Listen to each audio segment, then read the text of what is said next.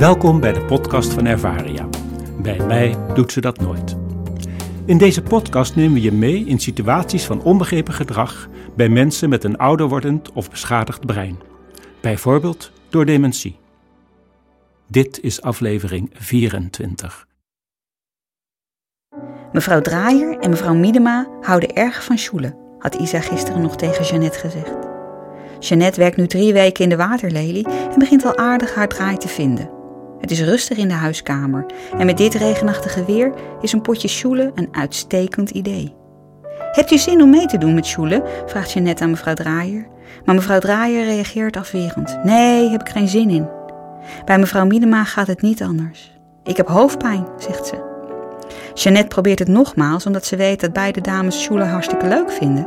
Maar toch blijft het antwoord nee. Als je zelf begint met sjoelen, dan komt het wel goed, zegt Isa de volgende dag tegen Jeannette. En Jeannette neemt die middag de proef op de som. Ze legt de sjoelbak op tafel, ze pakt de stenen en ze begint te sjoelen. Het geluid van de stenen tegen het hout klinkt luid en duidelijk door de huiskamer heen.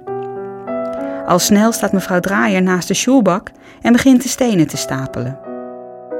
Niet lang daarna volgt mevrouw Miedema en zegt: Er moet nog wel een steen in de drie en langzaam maar zeker sjoelen de dames lekker mee. Het nemen van initiatief is een van de complexe hersenfuncties.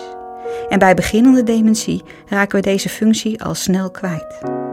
Wat mee kan spelen is de gedachte om te falen.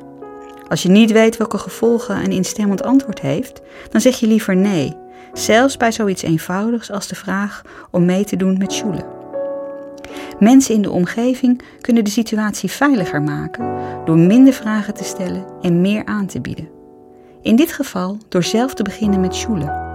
Dan sluiten mensen met dementie gewoon vaak zelf aan. De gewaarwording van het geluid van de botsende stenen heeft in dit voorbeeld een aantrekkende werking.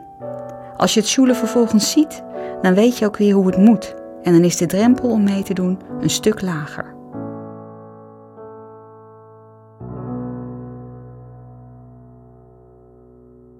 Meer informatie is te vinden in ons boek Bij mij doet ze dat nooit.